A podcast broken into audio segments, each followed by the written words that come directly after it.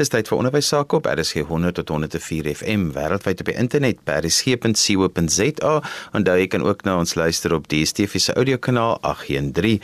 Die program is ons in die onderwys saam met my Johan van Lille. Vandag gesels ons 'n bietjie oor wat leer eintlik is en waaroor dit gaan. Nou in hierdie tyd waar kinders as gevolg van die pandemie by die huis moet wees, dink ek is nogal belangrik dat ons sal daaroor dink oor wat leer eintlik is. My gas is professor Ignatius Gous en julle sal hom onthou van die reeks wat ons vir hierdie jaar gedoen het, die geheime van die brein. Leer word gewoonlik verwar deur baie mense. Dis die ding wat ek doen wat ek eintlik nie baie geniet nie, maar wat ek moet doen om eksamens en toetse deur te kom. En eintlik is leer soveel baie meer as dit. Want leer gaan eintlik daaroor om die lewe te bemeester.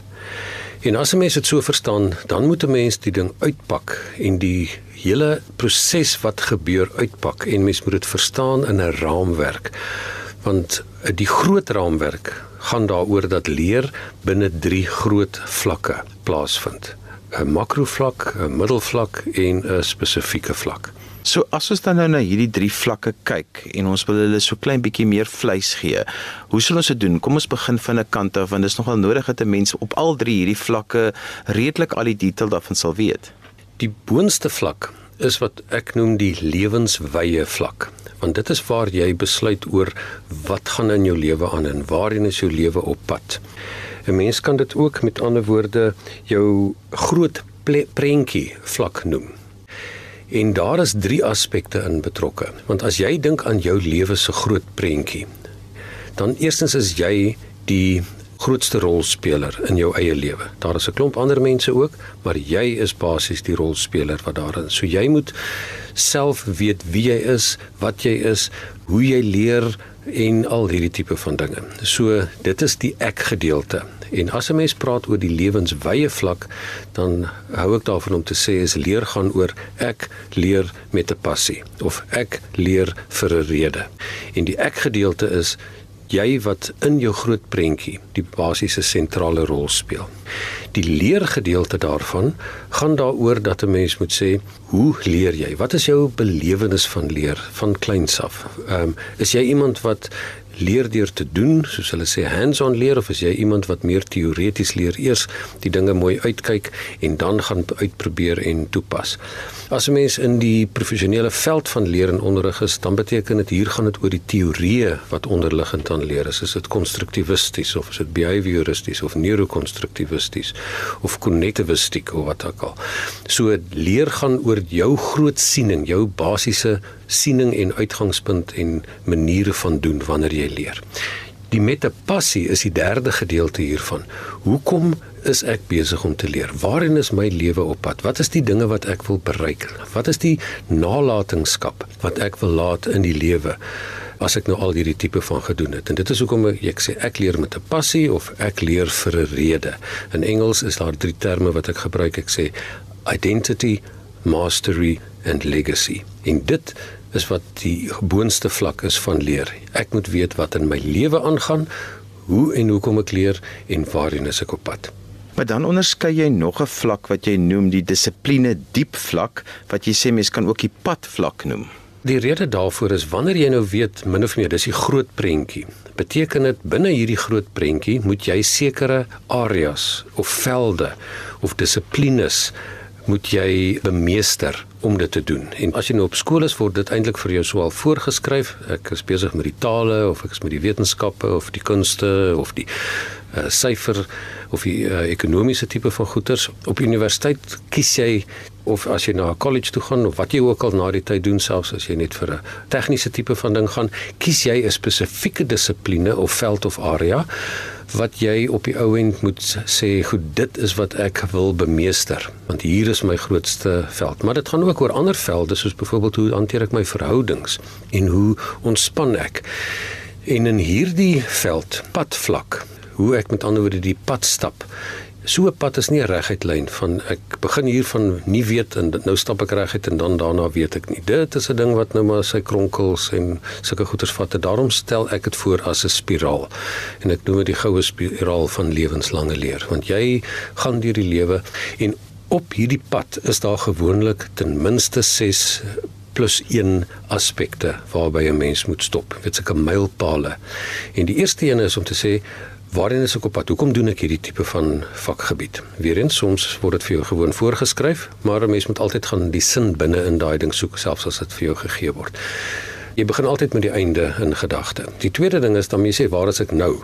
Want jy kan nie 'n roete bepaal na 'n plek toe as jy nie weet waar jy nou is nie. En dan sê wat weet ek reeds? En waar is dus my kennisgapings? En dan kom die derde een en sê nou moet ek begin leer die regte dinge doen. Hier praat mense oor wat is effektiewe leer en wat is oneffektiewe leer? Wat werk en wat werk nie 'n vierde aspek is wat 'n mens moet sê, goed, wat maak ek as ek foute maak? Want jy weet mense wil glad nie graag foute maak nie, maar foute is leergeleenthede, solank dit nou nie foute is wat jy maak omdat jy nie regtig aandag gee nie, sloppy mistake soos wat hulle sê nie. So jy moet met ander woorde leer hoe om die tipe van dinge wat 'n mens doen om uit jou foute en uit jou suksesse uit te leer. Die volgende aspek wat 'n mens moet doen, gaan oor hoe ek saam met mense werk. Wie vra ek? Wie kan ek vertrou? Wie kan ek nie vertrou nie? Jy weet in 'n hele wêreld van fake news en al daai dinge. Hoe werk ek saam in groepe? En dan die een wat daarna kom, is op die ount moet jy sê jy moet heeltyd kan meet hoe ver is jou vooruitgang want ek moet wys wat ek weet. Dit is die ses aspekte op hierdie lewenspad of van lewenslange leer en dan kom daar 'n sewende aspek wat ons kan noem metakognisie en dit gaan daaroor dat ek moet hierdie dinge verstaan en ek moet dit kan interpreteer sodat ek weet hoekom dit soms werk en dat ek dit kan herhaal en hoekom dit nie werk nie sodat ek dit kan regmaak. Maar leer is nog maar steeds dit wat baie mense ook sê, al hierdie aspekte is so so belangrik en dit is so deel van alles, maar daar is ook 'n gedeelte van leer waar jy by jou tafel moet sit en jy het 'n sessie waarby jy jou boeke moet oopmaak en jy moet leer. Dit is die onderste vlak eintlik die boublokke wat onderliggend aan al hierdie goeders hierbo lê. As jy nou seker is wie is jy en waar in jou pad is, wat is jou groot prentjie? As jy weet hierdie is die tipe van pad wat ek moet maak, nou moet jy op die ou end gaan sit en leer en dit noem ek die poort. Want deur hierdie poort stap 'n mens in 'n nuwe veld in en jy moet dit bemeester. Maar om te sit en om deur hierdie poort te stap is nie sommer 'n maklike saak nie. Mens moet dit op 'n sekere manier doen dat jou sessie skerp kan wees. En om daardie rede het ek gekies, kom ons heg dit aan 'n sê ding wat vir almal bekend is en ek sê ek's op dit. Jy luister na ons in die onderwys op RSG 100 tot 104 FM wêreldwyd op die internet by rsg.co.za. Jy kan ook na ons luister op die DSTV se audiokanaal 813. My gas vandag is professor Ignatius Gous en ons praat 'n bietjie oor wat leer eintlik is en waaroor leer gaan. Ignatius, ons het nou by die einde van die eerste gedeelte van vandag se program so 'n bietjie begin gesels oor daardie van ek moet nog gaan sit en leer, daardie sessie skerp vlak, die poort vlak wat jy letterlik sê ek is op dit. Kom ons verduidelik, kom ons praat meer daaroor want dit is wat die meeste mense, wil ek amper sê se ervaring van leer is, maar dis ook waar die meeste mense nie genoeg vaardighede het nie. Dit is reg want jy weet 'n mens doen gewoonlik leer op 'n manier wat nie noodwendig goed gedeurdink is nie. Jy weet dit is soos asemhaling. Almal haal asem, maar daar is maniere van asemhaal wat vir jou beter dinge kan doen of dit vir jou beter kan laat werk. So leer moet 'n mens ook gaan kyk wat is die dinge wat regtig werk. Wie en daar is soos wat 'n mens se brein werk, is daar 'n sekere tipe van ampere resep agenda wat 'n mens moet volg om werklik effektief te leer en die tyd uit te koop en die meeste daarvan te maak. Jy weet veral nou ook wanneer 'n mens by die huis moet sit en baie mense dit op hulle eie moet doen, as hierdie ding vir jou 'n riglyn kan wees, dan help dit ongelooflik baie dat ek weet ek is op die regte pad hiermee. En soos ek gesê het, wanneer 'n mens praat oor die sessie skerpheid, kan jy amper sê ek's op dit. Nou wat ek nou maar gevat dit is die letters van ek's op dit, maar weet ook soos wat hulle dit deesdae spel met goeders wat uitval, so daar's 'n K, 'n S, 'n O, 'n P, 'n I en 'n T. Dis die ses aspekte. Mens kan dit ook as 'n kubus of 'n wegspring leerblok kan 'n mens dit voorstel want weet uh so 'n wegspringblok help kry jou uit die blokke en kry jou aan die gang. Nou die eerste gedeelte wat 'n mens moet doen wat K is die X op dit is kophou, koebel en kalm. En dit wys sê vir jou eerstens met kophou jy moet gaan jou sessie beplan. Jy weet as 'n mens iets beplan het, dan beteken dit maak mens rustig en jy weet waarvoor jy in is. Die cool beteken ek moet werklik gaan sit en ek moet gaan kyk dat daar geen dinge is wat my aandag aftrek nie.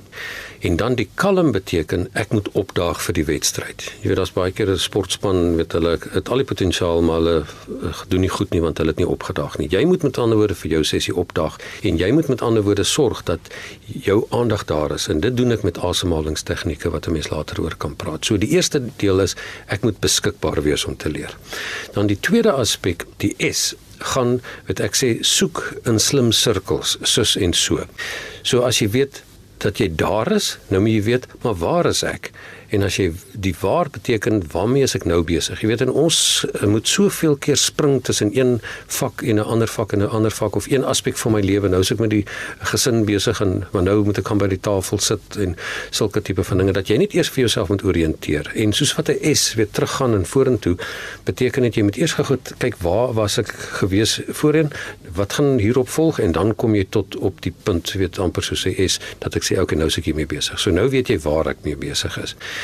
Die o beteken ek moet nou eers kyk wat is die tipe van handvatsels wat ek hierop het. So ek gaan kyk na opskrifte, onbekende woorde en onbekende terme. Jy weet, die meeste mense begin eenvoudig net lees wanneer hulle iets wil bemeester en dan raak jy verstrengel in die detail.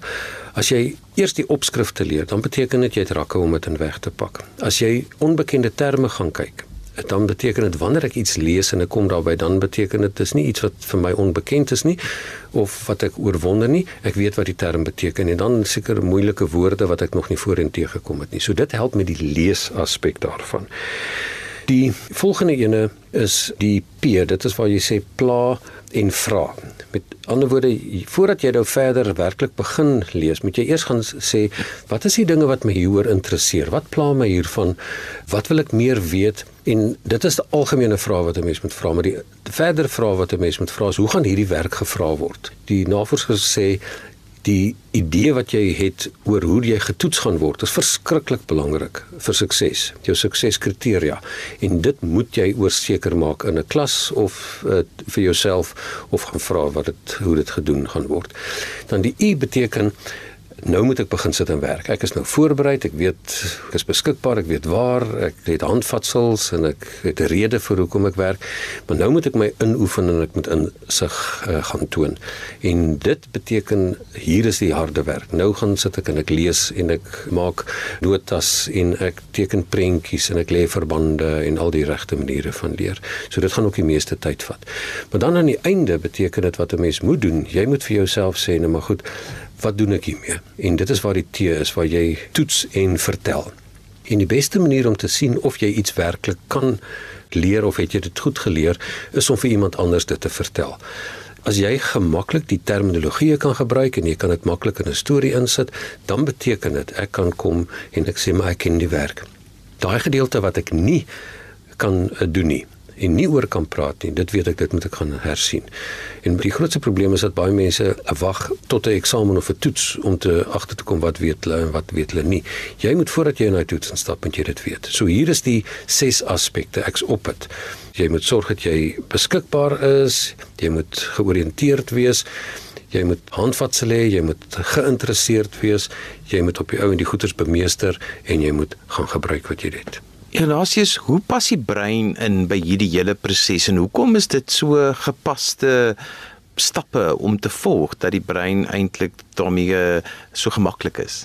Die feit van die saak is is dat die brein eerstens moet 'n sekere breingolf geïnduseer hê wanneer 'n mens begin leer. En ons kan dit beheer. Dis nie net sommer iets wat met jou gebeur nie. En dit is hoekom in die begin die beskikbaarheid so belangrik is dat jy vir jouself rustig maak en dit is hoekom ek ook baie aandag gee en klem daarop lê dat jy die regte soort asemhalingsoefeninge doen. Die ander aspek van dat jy georiënteerd moet wees. Die brein werk in tipe van stelsels, in skemas dat jy weet aan watter kennisstruktuur is ek besig om nou te bou. So deur daardie aspek by te bring, sê ek nou maar goed, ons is nou besig met hierdie kennisstruktuur en ek gaan dit nie verwar en goeders met mekaar te mekaar maak nie. Die volgende ene is uh, jy wil sinryk leer. Jy wil nie papegaai werk leer nie en dit is hoekom die hele ding van maniere om dit weg te pak geordend en gestruktureerd belangrik is en hoekom jy ook die terme moet ken. Die volgende ene is jy moet eh, die brein wil gemotiveerd wees. Hy raak verskriklik maklik verveeld En as jy met ander woorde vir jou sê, maar goed, hierdie dinge is belangrik en ek weet hoekom ek hierdie dinge moet doen, dan beteken dit jou brein is geïnteresseerd in wat jy gaan doen. En dan die fisiese werk om dit te bemeester, dit is maar iets wat 'n mens moet doen. En dan die belangrike ding van enige iets wat jy moet bemeester. Daar is 'n kwessie van bære en gaan haal, storage and retrieval. En dit is verskillende aspekte. En deur te praat daaroor te vertel wat jy geleer het, beteken dit 'n mens gaan heeltyd dit haal en dit lê dit beter vas. So elkeen van hierdie aspekte is presies gebaseer op hoe die brein wil leer.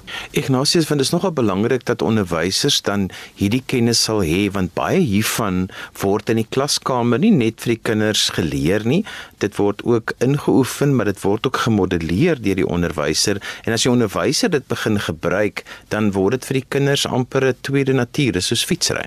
Dit is absoluut die, die saak. Jy weet, uh onderrig is 'n stelsel. Ehm um, dit wat in die samelewing en by die huis gebeur, het 'n invloed wat by die skool gebeur. Dit hoe jy die, die skool hanteer het in en die kind self het 'n of die leerder of as jy student is of self 'n volwasse leerder het 'n invloed.